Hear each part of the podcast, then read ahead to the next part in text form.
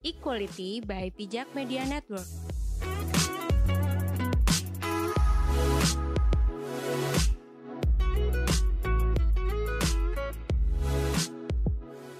Halo, selamat pagi, siang, dan malam. Uh, hari ini, hari ini uh, Equality mau bahas sesuatu yang lagi hits banget di sosial media. Dan pasti uh, beberapa dari teman-teman yang dengerin mungkin pernah baca kali ya. Oh ya sebelumnya uh, kita tuh di sini udah vakum sebulan jadi mungkin maaf apa aja ya kalau ngomongnya agak-agak beraturan. Tapi yang kita bahas ini benar-benar uh, yang lagi hits yaitu emangnya kenapa sih kalau nggak pakai jilbab di sekolah gitu. Nah hari ini aku ada bintang tamu yaitu Syekh Ali.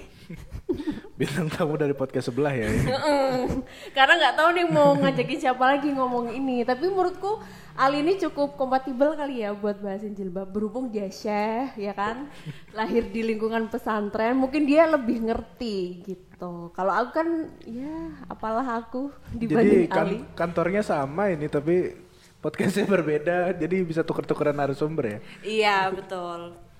Nah uh, kemarin itu di sosial media terutama Twitter mm. uh, ada bahasan dari artikel Vice itu loh Li yeah. yang dia ngebahas pemaksaan uh, pemakaian jilbab di sekolah negeri. Mm -hmm.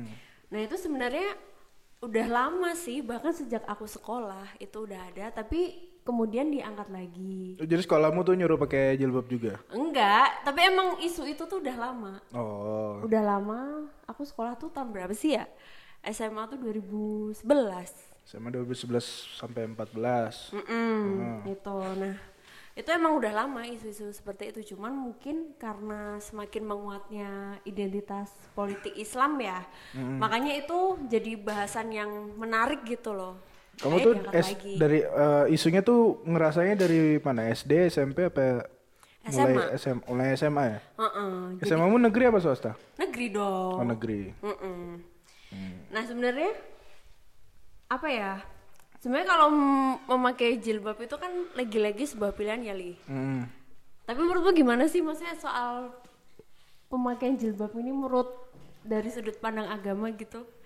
Biar yang biar yang dengar itu juga paham gitu loh. Kita ngomongnya berdasarkan sudut pandang agama bisa, jadi berdasarkan konteks jadi nggak bisa dong serta merta kita ngejudge tapi nggak tahu konsep apa konteksnya apa. Kalau dulu kan aku SD-nya Muhammadiyah. Mm. terus sorenya tuh uh, ke Alia eh kok Alia apa Alia. namanya? Uh, intinya sekolah agama lah sorenya.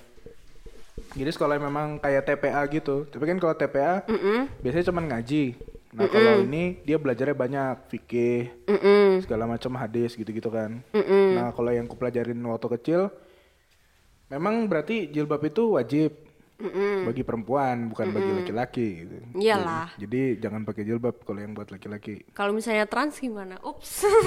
itu bahasannya lain lagi. Itu bahasannya beda nah, itu ya. Itu wajib itu. Mm -mm. Nah terus berkembang sampai sekarang, mm -mm. ternyata banyak pendapat juga mm -mm. yang uh, yang yang yang ada pernah ku dengar gitu. Mm -mm. Satu kan uh, intinya sebetulnya bukan berjilbab, mm -mm. tapi menutup. Oke. Okay. Itu. Nah, kalau yang kulihat sih, kalau kita lihat dari segi hukum bisa jadi memang itu wa jadi wajib gitu kan. Oke. Okay. Untuk menutup itu. Tapi di sisi lain ada pandangan juga saat itu kan Arab dibilangnya zamannya jahiliyah. Mm -mm. Jadi sebetulnya dulu tuh bangsa yang paling besar tuh ada dua bangsa Romawi sama bangsa Persia oke okay. nah bangsa Romawi sama bangsa Persia dia bangsa yang paling terdidik gitu mm -mm. yang paling dekat sama Arab tuh Romawi bagian timur itulah yang ibu kotanya Konstantinopel mm -mm. terus uh, perkembangan kotanya berkembang sampai ke Palestina mm -mm. Palestina kan paling dekat sama Arab kan ya yeah Nah, dulu tuh orang Arab ini dianggapnya suku gurun gitu. Makanya sekarang suka ada istilah sobat gurun kan? Desert body ya. Desert body, sobat gurun. Nah, karena saat itu memang suku Arab tuh suku paling terbelakang. Mm -mm. Terbelakang dalam hal uh, selain teknologi ya. Kalau kamu lihat misal kamu nonton film Umar gitu tentang Umar bin Khattab kan di situ diceritain Umar itu berdagang ke Palestina. Pas kamu lihat Palestina di film itu tuh udah kayak yang kayak ada istana gede, benteng-benteng besar. Terus apa namanya? dagangan-dagangannya tuh udah yang modern gitu. Nah, pas dia balik ke Mekah, rumah-rumahnya tuh yang kayak kota kecil gitu dari tanah liat gitu. Jadi pokoknya terbelakang banget kan. Mm-mm. Aku pernah dengar juga itu salah satunya eh apa ya kalau dibilangnya ya syahwatnya tuh nggak bisa di eh, paling orangnya bangsa yang paling nggak bisa nahan syahwat tuh loh. Oh karena keterbelakang gitu kali ya? Ah, ah. mungkin kalau laki-laki syahwatnya tuh ngelihat bagian-bagian tertentu gitu kan yang memang sensitif. Kalau mereka tuh dibilang bahkan ngelihat tumit aja bisa syahwat gitu. Oh my god, Nah. segitunya? Ah, ah. Dan zaman itu kan masih marak juga perbudakan. Oh ya, perbudakan eh, yang benar-benar dihormati saat itu memang wanita yang bangsawan. Bangsawan tuh eh kalau dulu namanya bukan bangsawan ya. Apa ya istilahnya dia dari suku yang memang terpandang gitu loh. Atau mungkin suku yang pengaruhnya paling kuat kali ya? ya betul. Jadi kan ada beberapa suku yang memang dulunya eh, menjadi founding fathernya Mekah gitu loh. Itulah yang itulah yang dihormati. Pun itu pun perempuannya masih eh, istilahnya budaya patriarkinya masih kuat gitu. Mm-mm. Memang perempuan kan makanya banyak yang di kalau kamu pernah dengar biasanya perempuan nggak boleh keluar gitu kan. Jadi budaya kayak gitu apalagi yang budak kan. Nah, Mm-mm. juga dulu istilahnya di Mekah tuh ada namanya red zone. Mm-mm. kayak yang ada di Belanda itu loh. Jadi isinya memang pelacuran kayak gitu-gitu tempat judi memang ada red zone-nya. Mm-mm, mm-mm. Nah justru saat itu orang yang paling sering ke red zone itu Umar bin Khattab saat itu. Nah Umar bin Khattab waktu waktu dia belum masuk Islam ya paling sering mabuk-mabukan berantem eh, ke pelacuran gitu kan. Mm-mm. Nah saat dia masuk Islam dialah yang meminta bahwa perempuan ini harus ditutup. Oh, Gitu. jadi memang karena apa ya pengalaman pribadi dia kali ya? Ya terus yang ku setahu ada banyak tapi yang ku tahu ada dua. Yang satu itu alkohol, eh, hammer, dua perempuan disuruh berjilbab. Nah itu istilahnya permintaan Umar bin Khattab gitu loh. Jadi sebetulnya saat itu memang kondisinya belum dewasa gitu ya, memang masih jahiliyah. Mm-mm. Nah aku sih nangkepnya pentutupan eh, menutupi perempuan itu untuk melindungi perempuannya tadi gitu loh. Mm-mm. Karena balik lagi tadi kan ngelihat kaki aja bisa syahwat kan apalagi kalau terbuka gitu loh. Jadi aku ngeliatnya dari sana sih. Oh, oke. Tapi memang sih aku juga pernah dengar eh, suatu pembicaraan, diskusi juga. Aku lupa dari siapa. Itu kalau nggak salah di Geotimes. Dia bilang eh, ya kalau jilbab itu sebenarnya bukan masalah penutup kepala, tapi bagaimana apa ya menutup tubuh tuh supaya apa ya nggak nggak terlalu seronok gitu loh. Jadi memang yang penting tuh kita tuh pakai pakaian tuh pantas dan sopan sesuai dengan anggapan masyarakat. Nggak perlu harus menutup dengan apa ya dengan selai kain di atas kepala gitu. Soalnya gini ya kalau misalnya kamu tanya hukum, Mm-mm.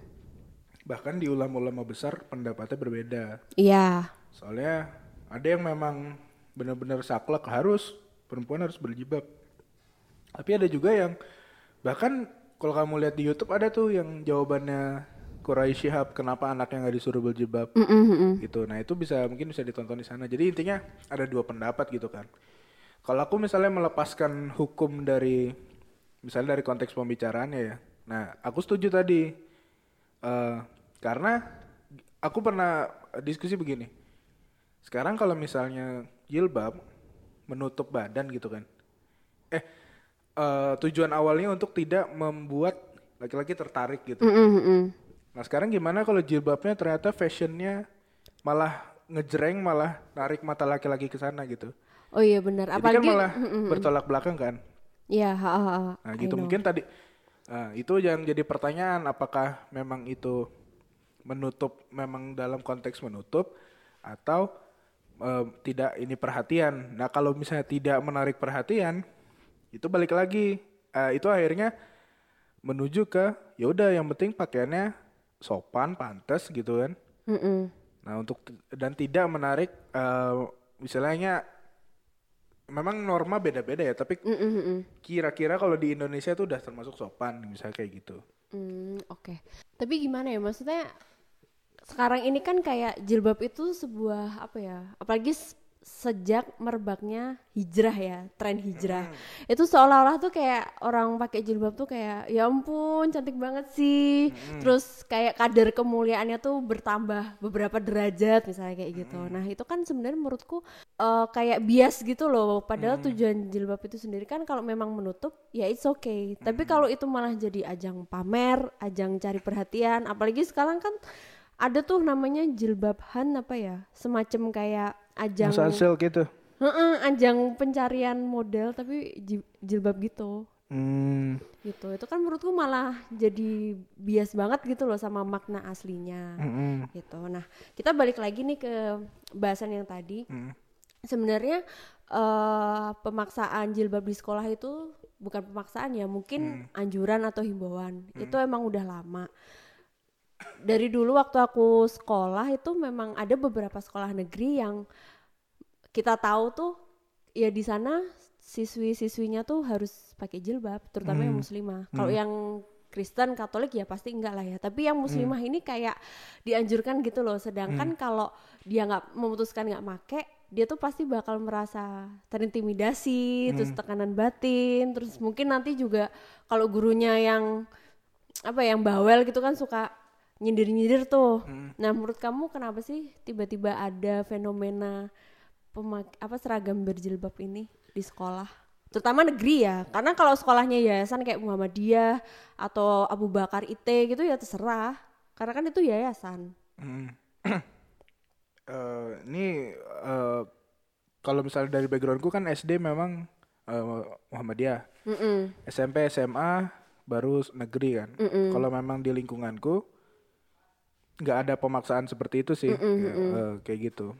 Nah tapi kan memang yang marak terjadi tuh ada pemaksa, ya dalam tanda kutip, memang penganjuran tapi kan pemaksaan juga kan. Dalam arti kalau misalnya nggak make disindir misalnya kayak gitu. Iya, kan. oh. Itu kan sebenarnya pemaksaan secara halus gitu. Mm-mm. Kalau aku punya metode bukan metode ya, punya pendirian dalam menyikapi kelakuan orang gitu.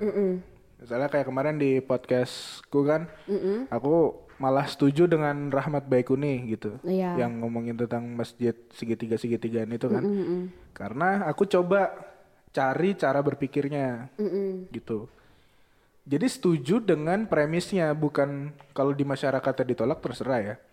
Jadi misalnya kayak gini kak, misalnya kepala itu kan pasti awalnya dari kepala sekolah dan guru kan. Mm-mm. Kenapa dia bisa tiba-tiba nyuruh harus berjilbab gitu?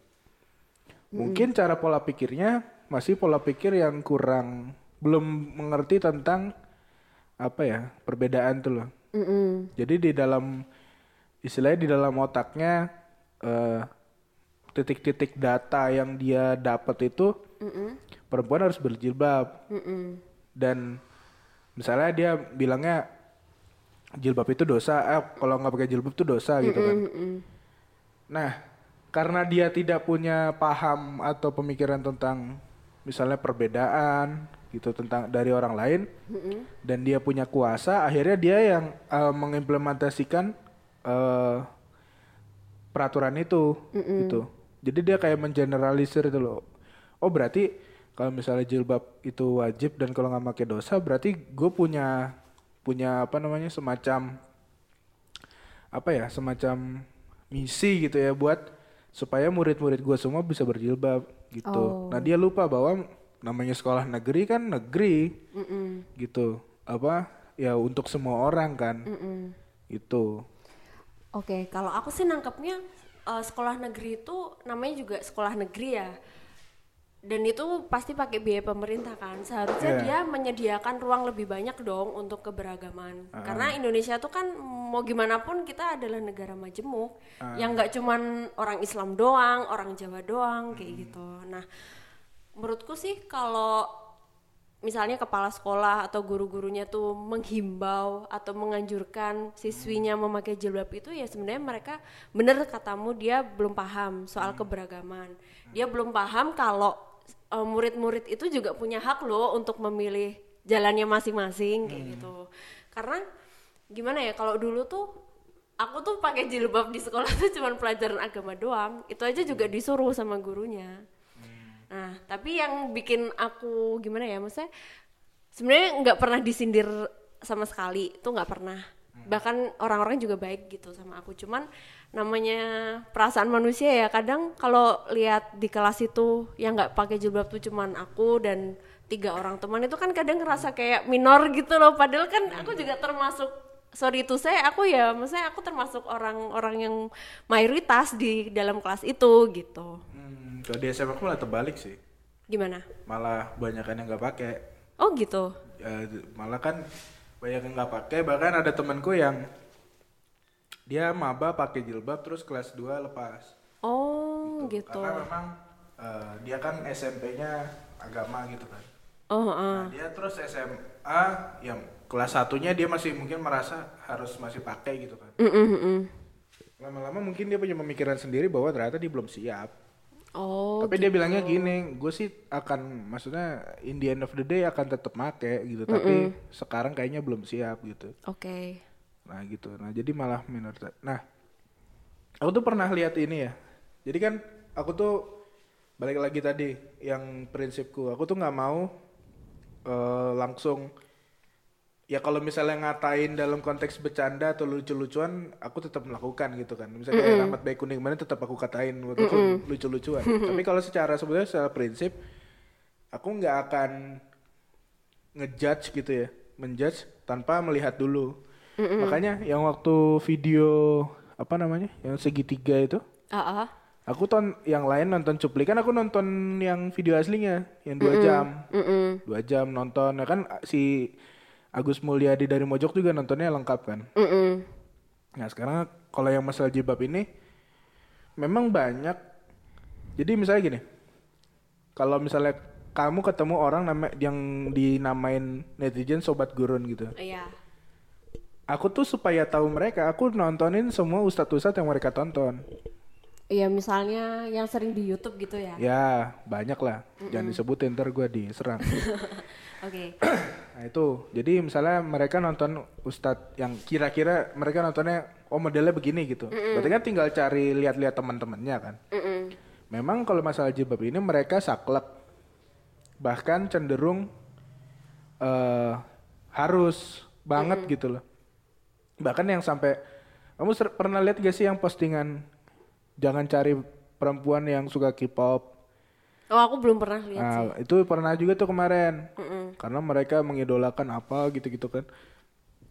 Intinya juga banyak ceramah-ceramah kayak gitu kayak kalau ada ini K-pop ngapain lah kamu punya eh, apa calon istri suka K-pop nggak guna itu mendingan cari aja kan perempuan banyak gitu. Nah, itu sama ke jilbab juga kayak gitu. Mm-mm.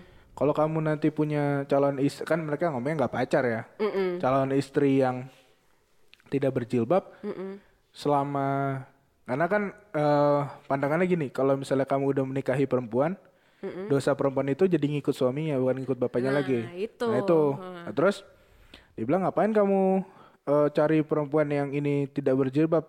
Eh, istilahnya kamu harus mengedukasi lagi gitu kan. Terus selama mengedukasi kamu menanggung dosa gitu-gitu. Jadi kan orang digituin takut ya kan? Istilahnya untuk golongan mereka dia takut lah gitu kan. Makanya hal-hal yang kayak gini tuh bisa terjadi gitu. Oke. Nah, ngomongin soal enggak, itu aku jadi keingat waktu itu aku nge-share postingan Vice yang tentang pemaksaan jilbab itu di Instagram story. Nah, itu ada salah satu temanku yang membalas postingan itu, tapi panjang banget. Dan aku gimana tuh balasnya? Panjang banget. Dan aku tertarik sama salah satu kalimat yang dia bilang bahwa di daerahnya dia itu orang tua tuh berlomba-lomba apa ya kayak ngasih ajang gitu loh. Kamu mau berjilbab nanti aku kasih hadiah. Mm-mm. nah terus apa ya dia menurutku tuh dengan statement kayak gitu tuh kayak aku ngerasanya loh masa berjilbab aja harus diajakan apa dijadikan ajang perlombaan ya? Apalagi dikasih hadiah. Nah nanti kalau misalnya dia udah nggak- misalnya orang tuanya nggak ngasih hadiah Mm-mm. gimana itu kan jadi menghilangkan esensi dari jilbabnya sendiri gitu loh. Terus apa ya pokoknya dia tuh bilangnya ya sesuatu yang dipaksakan awalnya tuh lama-lama nanti kebiasaan. Nah kalau aku sih kontra ya dengan statement kayak gini karena menurutku apalagi urusan berjilbab ya itu kan urusan yang sangat privasi. Itu kan pasti akan ada pertimbangan. Bahkan untuk melepas jilbab aja tuh pasti butuh banyak pertimbangan tuh. Kita nggak bisa apa ya memaksakan kehendak kita ke orang lain karena kan kita nggak pernah tahu apa yang terjadi di hidupnya apa yang membuat dia mem- apa memiliki keputusan demikian kayak gitu nah menurut kamu gimana tuh Li? yang tentang iming-iming hadiah tapi harus pakai jilbab Kalau ini sebenarnya nggak berlaku ke jilbab sih, berlaku ke apa aja gitu. iya heeh. Jadi eh kalau papaku tuh selalu ngajarinnya gini. Jangan ajarin yang memaksa gitu loh. Memaksa misalnya kayak orang kalau eh, nggak sholat, nggak puasa misalnya dipukul sama orang tuanya gitu kan. Walaupun sebetulnya ada yang mem, apa istilahnya ada dibilangnya ada dalil yang memperbolehkan misalnya kayak gitu ya. Hmm, tapi itu memang bener ada Bener ada. Heeh. Nah, tapi kalau misalnya aku ngaji di, aku juga pernah lihat di mana gitu. Intinya, kalau di Islam itu bahkan dalam satu kasus itu bisa ada dua dalil yang bertentangan. oh gitu Ber- contohnya Bert- bukan bertentangan sih, Leb- dalam arti komplementari, cuman bertentangan. Jadi gini, misal eh, hukum kisos, hukum kisos tuh kan, kisos tuh bukan tentang di penggal palanya doang ya. Misalnya kamu mukul aku, Mm-mm. Secara hukum Islam aku berhak mukul kamu. karena balas gitu kisos kali ya balas kan, Heeh. itu satu dalil. Oke. Tapi kamu bisa milih dalil yang lain bahwa kamu kalau memaafkan itu mungkin pahalanya bisa jauh lebih besar. oh gitu. oke Jadi misalnya aku boleh mukul kamu, misalnya aku walaupun misalnya sebenarnya receh banget ya dipukul tabuk gitu dong, masa ke pengadilan. Mm-mm. Misalnya ke pengadilan Islam gitu, misalnya kalau ada ya, mudah-mudahan enggak. ke pengadilan Islam gitu. Oke, ya udah. Kamu berhak mukul balik gitu. Aku pukul balik, udah Mm-mm, mm-mm. gitu. Tapi yang balik tadi ada satu dalil yang bilang kalau misalnya kamu memaafkan mungkin jadi tambah gimana gitu, tambah halnya banyak gitu. Nah, sa- sama kayak gitu juga. Eh, kalau misalnya kalau misalnya orang tuanya ini mah bener-bener pengen anaknya pakai jilbab gitu. Mm-mm. Bisa diajarkan dengan cara gimana caranya tuh anak jadi merasa butuh.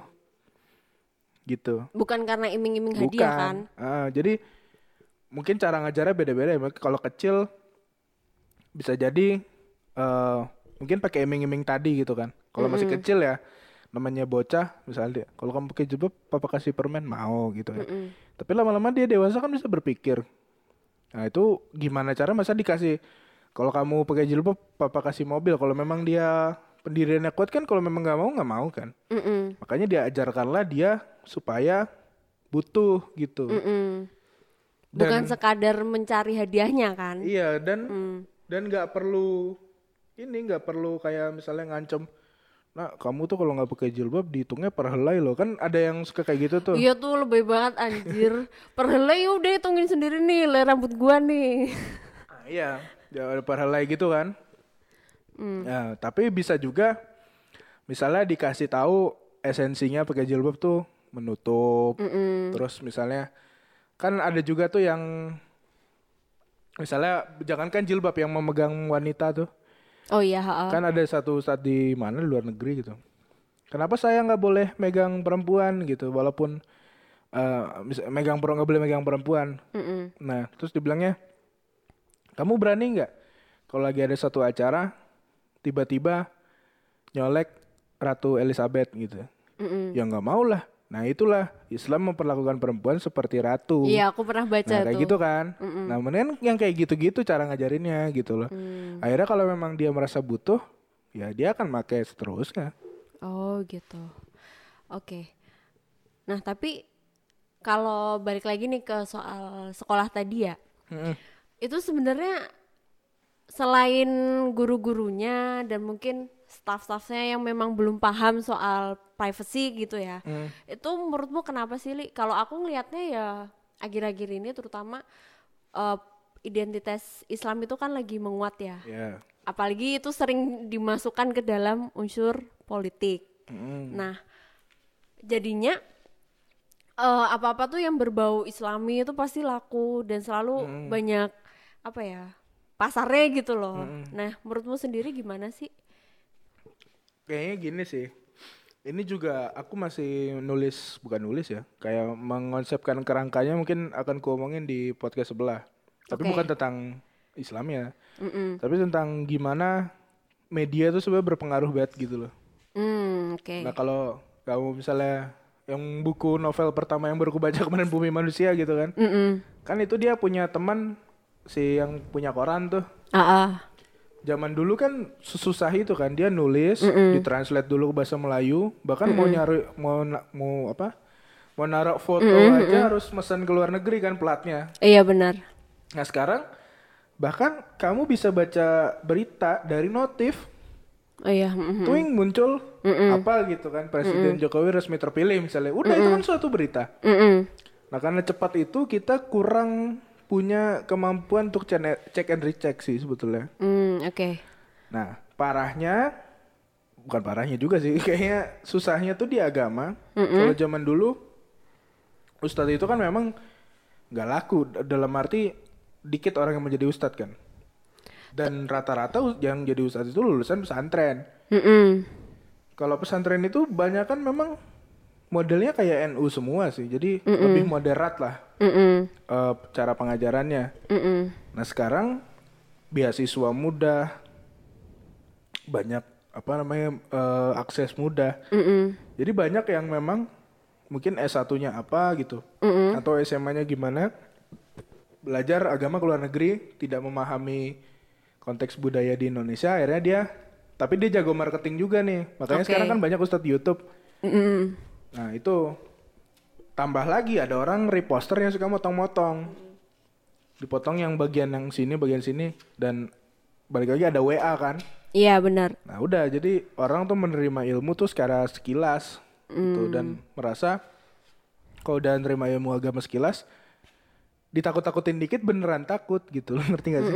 Makanya tadi kan semuanya asalnya rasa takut kan.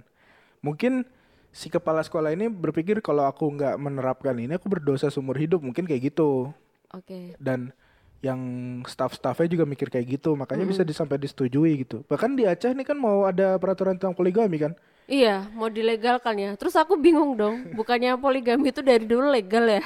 ya makanya Makanya terus sampai dilegalkan gitu.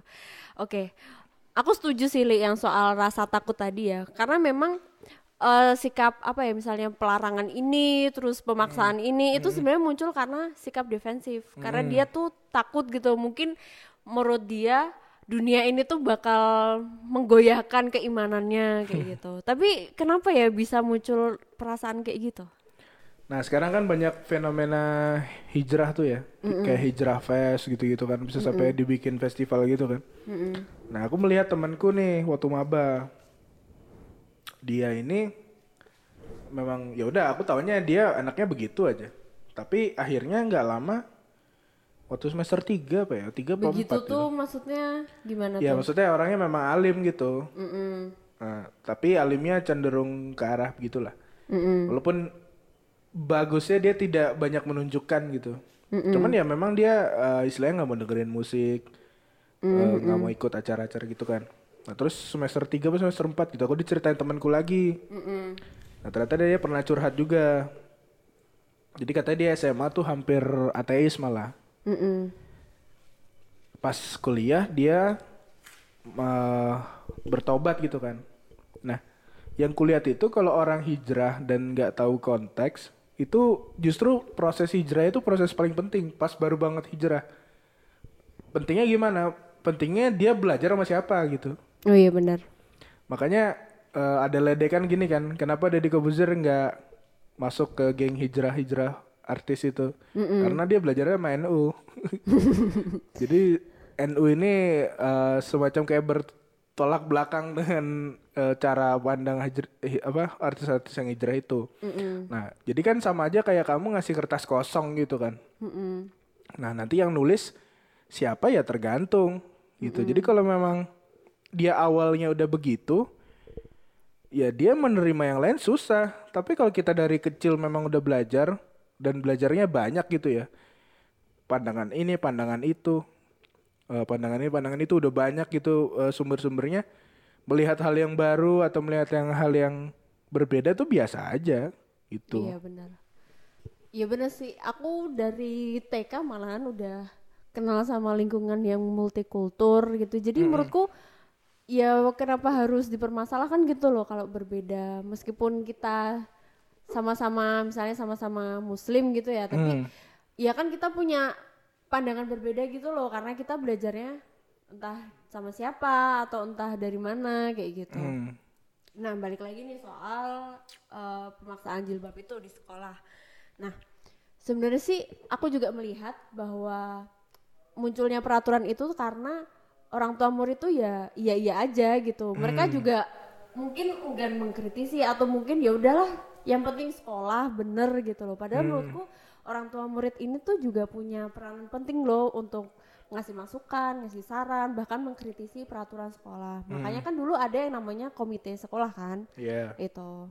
Komite sekolah kalau sekolahnya nggak bayar udah nggak laku lagi cuy. Oh iya bener juga sih. Setelah sekolahku di stop bayar sama Pak Ahok waktu itu kan sekolah uh. negeri kan nggak boleh bayar lagi. Udah nggak ada komite sekolahnya bubar. Nggak ada duit di sana. Oke.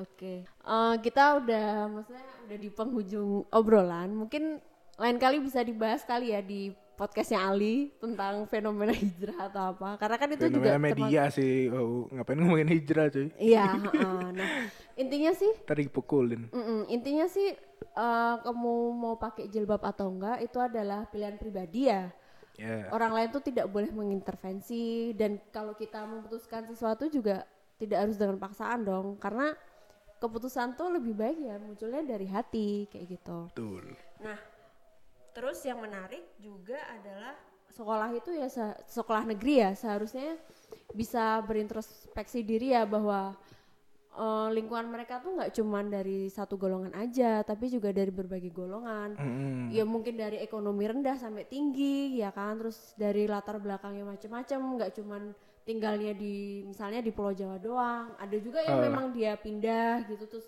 dapat sekolahnya di situ nah uh, mungkin guru-guru dan kepala sekolah karena mereka mereka yang paling banyak berkontribusi kali ya dalam peraturan hmm. sekolah. Nah, itu juga seharusnya mulai memahami bahwa murid-murid ini tuh juga punya hak loh. Hmm. Kan namanya ini hak asasi manusia itu kan pasti ditanggung kan sama negara. Bahkan yeah.